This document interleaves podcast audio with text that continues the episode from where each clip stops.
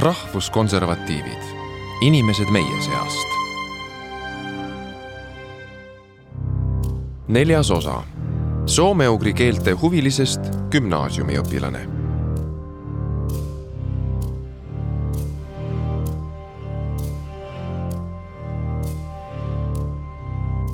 Leppida kokku jutuajamine mõne EKRE noorteorganisatsiooni liikmega on päris keeruline mitmele telefonikõnele Sinise Äratuse juhatuse liikmed lihtsalt ei vasta ning lõpuks teatab üks neist Facebooki kaudu lakooniliselt. ei ole hetkel huvitatud. mõne päeva möödudes saan siiski nõusoleku Gemma Bernadette Kitselt, kuusteist, Tallinna gümnaasiumi õpilaselt. ta tõdeb, et meedia suhtes on organisatsioon ettevaatlik kui ma kahekümne viienda märtsi keskpäeval Balti jaama jõuan, näen seina ääres istumas akordionimängijat kes ootamatult, ent justkui tellitult mängib möödujatele pala Jää vabaks Eesti meri. see hunt Kriimsilma üheksat ametit pidanud Victor Konstantin Oxfordi tuhande üheksasaja kolmekümnendal aastal kirjutatud laul on nüüdseks mõjutanud paljusid põlvkondi. tõstnud eestlaste rahvuslikku uhkust siis, kui Eesti esimest korda vaba oli ja levinud sõja ajal eestlaste hulgas üle maailma laul on elanud inimeste teadvuses ja pannud põksuma tuhandeid südameid kümnendite vältel, mil pala Nõukogude Eestis ebasoosingus oli ja seda sõnadega Saa vabaks, Eesti meri lauldi. laul sai perekondlike koosviibimiste lahutamatuks osaks ja taas populaarseks siis, kui Eesti teist korda iseseisvus. jää vabaks Eesti meri kõnetab ka praeguseid rahvuskonservatiividest noori. meile see lugu meeldib kui tuju tuleb, siis laulame seda Sinises äratuses, ütleb Gemma Bernadette. ta on Sinise äratuse üks pühendunud eestvedajaid ning sattus organisatsiooni koosolekutele juba siis, kui oli kõigest kolmeteistkümneaastane. võimalus Sinise äratusega ühineda avanes tal põhikirja järgi alles kaks aastat hiljem.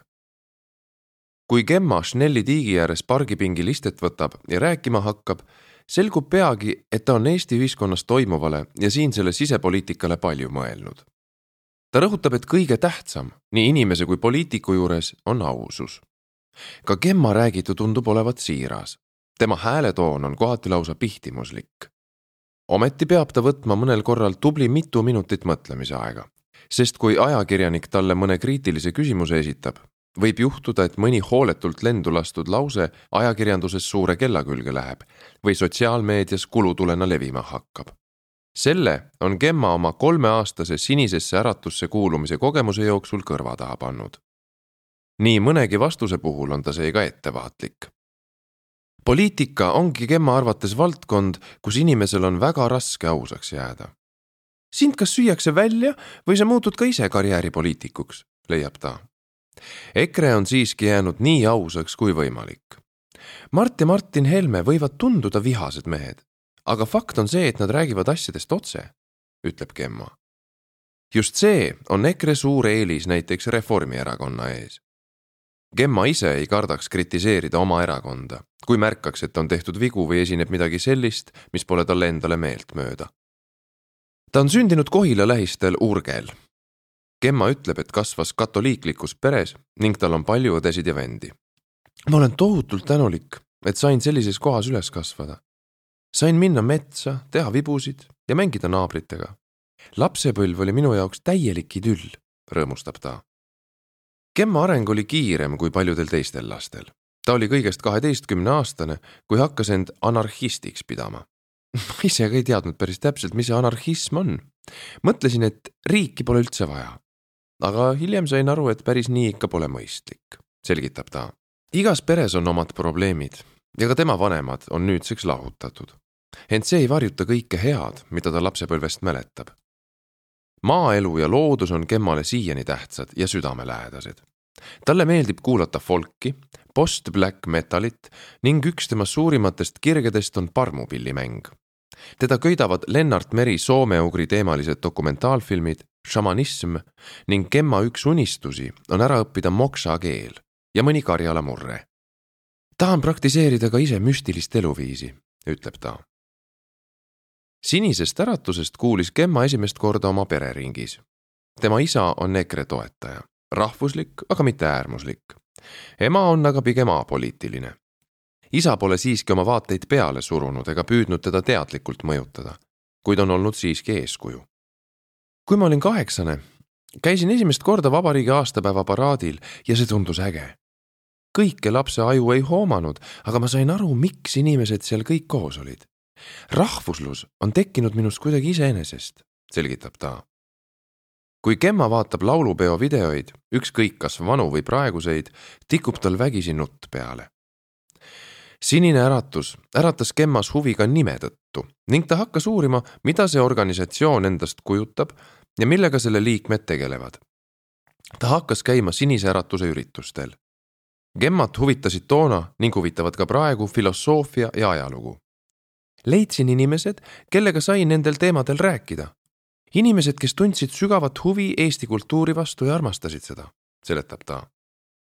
esimesed kaks aastat ei osanud ta Sinise Äratuste üritustel ise veel midagi väga tarka öelda. teemad tundusid päris keerulised. Gemma kuulas ja mõtles kaasa. mind võeti sinna vastu, suhtumine oli normaalne.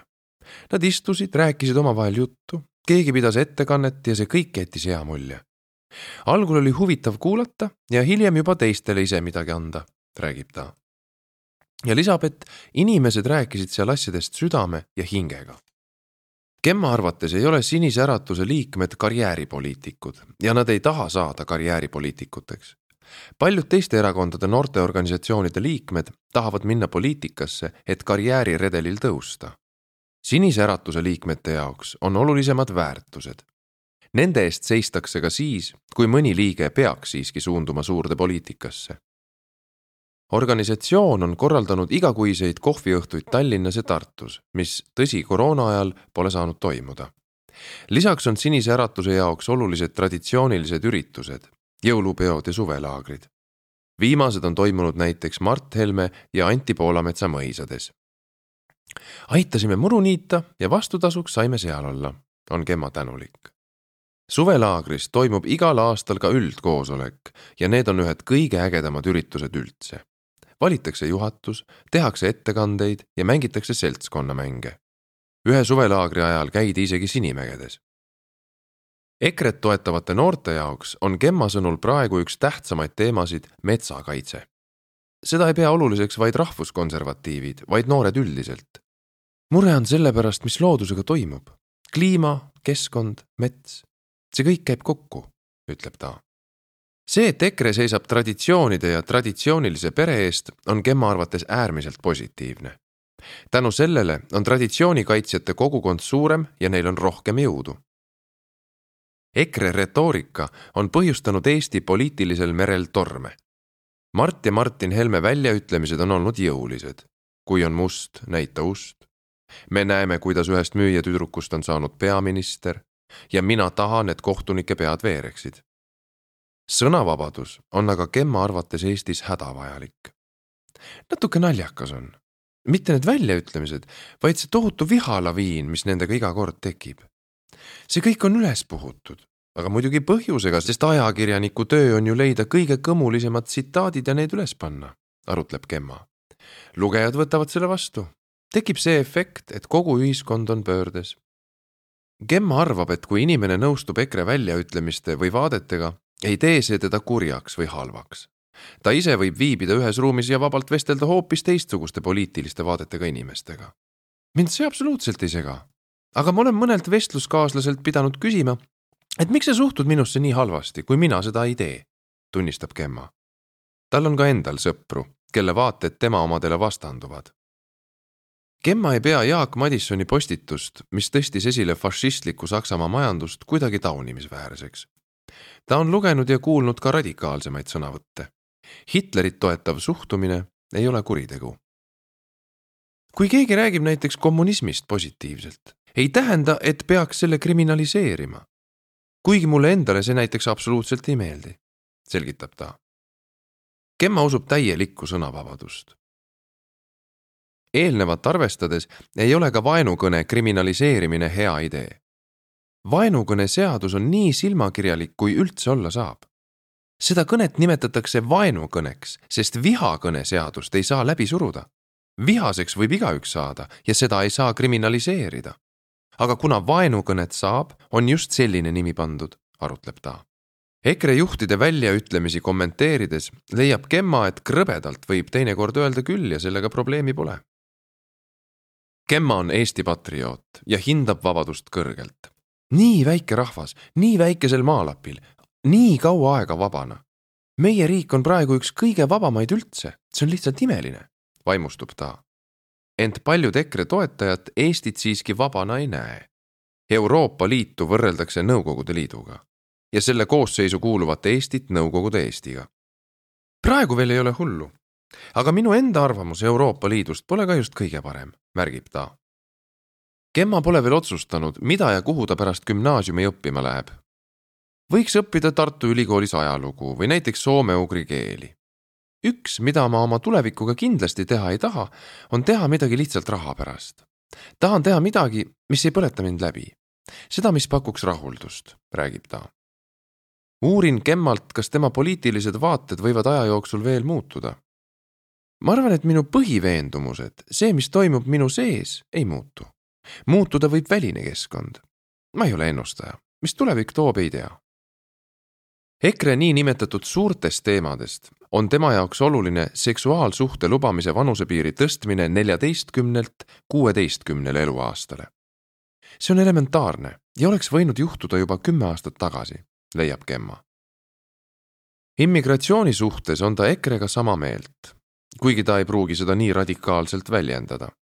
pigem ma sooviksin, et Eesti oleks riik eestlastele praeguses maailmas ei ole mõistlik ühte riiki tuua korraga kokku nii palju eri kultuuride esindajaid see iseenesest juba tekitaks konflikte, ütleb ta. see, et EKRE valitsusest minema saadeti, on Gemma arvates vale. ühel päeval on Keskerakonna vastu kriminaalkahtlustus, järgmisel päeval moodustab see erakond uut koalitsiooni Reformierakonnaga ning Jüri Ratas saab Riigikogu esimeheks. see ei ole päris normaalne, mis seal toimus, on ta kriitiline. Kui Keskerakond oleks opositsiooni jäänud, oleks olnud õiglasem Gemma arvates on ka süvariik olemas. aga ei saa öelda, et süvariik oleks süüdi kõigis maailma hädades ja kõike juhiks. ta ei tea, kas koroonaviirus on maailmas teadlikult lahti lastud, aga see on võimalik. tahaksin väga teada, aga seda ei tea vist keegi. arvestades, mis on ajaloos juhtunud, siis kõik on võimalik. samasooliste kooselu teemal Gemma sõna võtta ei taha. On palju asju, mis talle selle teema juures ei meeldi ent ta ise jääb siin neutraalseks. abielureferendumi küsimusest, kas abielu peab jääma mehe ja naise vaheliseks liiduks, pole mul tegelikult sooja ega külma, ütleb ta.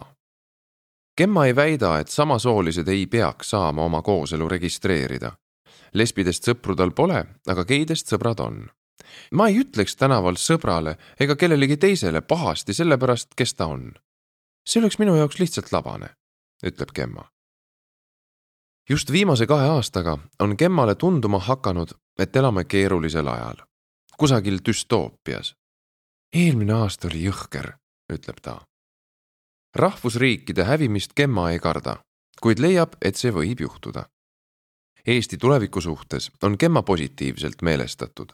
ta arvab, et Eesti ühiskonna lõhestatust on võimalik vähendada. olen optimistlik, võib-olla on see noorele inimesele iseloomulik, aga peabki ju olema, ütleb ta. kui ma Kemmale mõni nädal pärast kohtumist helistan, on vahepeal toimunud nakkushaiguste ennetamise ja tõrje seaduse NETS eelnõuvastased meeleavaldused Toompeal. Gemma ja tema parmupill satuvad otse tänavalt Eesti Ekspressi veergudele. Ta ütleb Ekspressi ajakirjanikule, et ta on siin, sest kehtestage eriolukord, kui asi on hull, aga ärge hakake läbi viima seadusi, mis laiendavad politsei õigusi permanentselt. küsin, miks Gemma meeleavaldusel käis. Läksin sinna NETS-i eelnõu ja veel mõne teise seaduseelnõu pärast ja kohapeal sain aru, et politsei oli üle reageerinud, vastab ta. rahvast hirmutati ja inimestele see ei meeldinud inimesed tulidki sinna kartusega, et meil saab olema politseiriik. see, kuidas politsei täisvarustuses ja koertega tänavatele tuli, hirmutas rahvast veelgi, ütleb ta.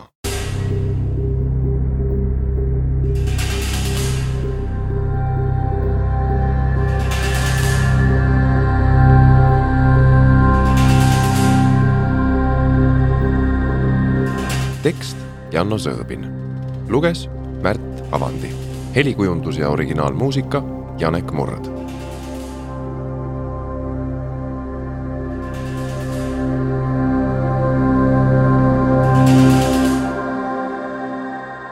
Levila kaks tuhat kakskümmend üks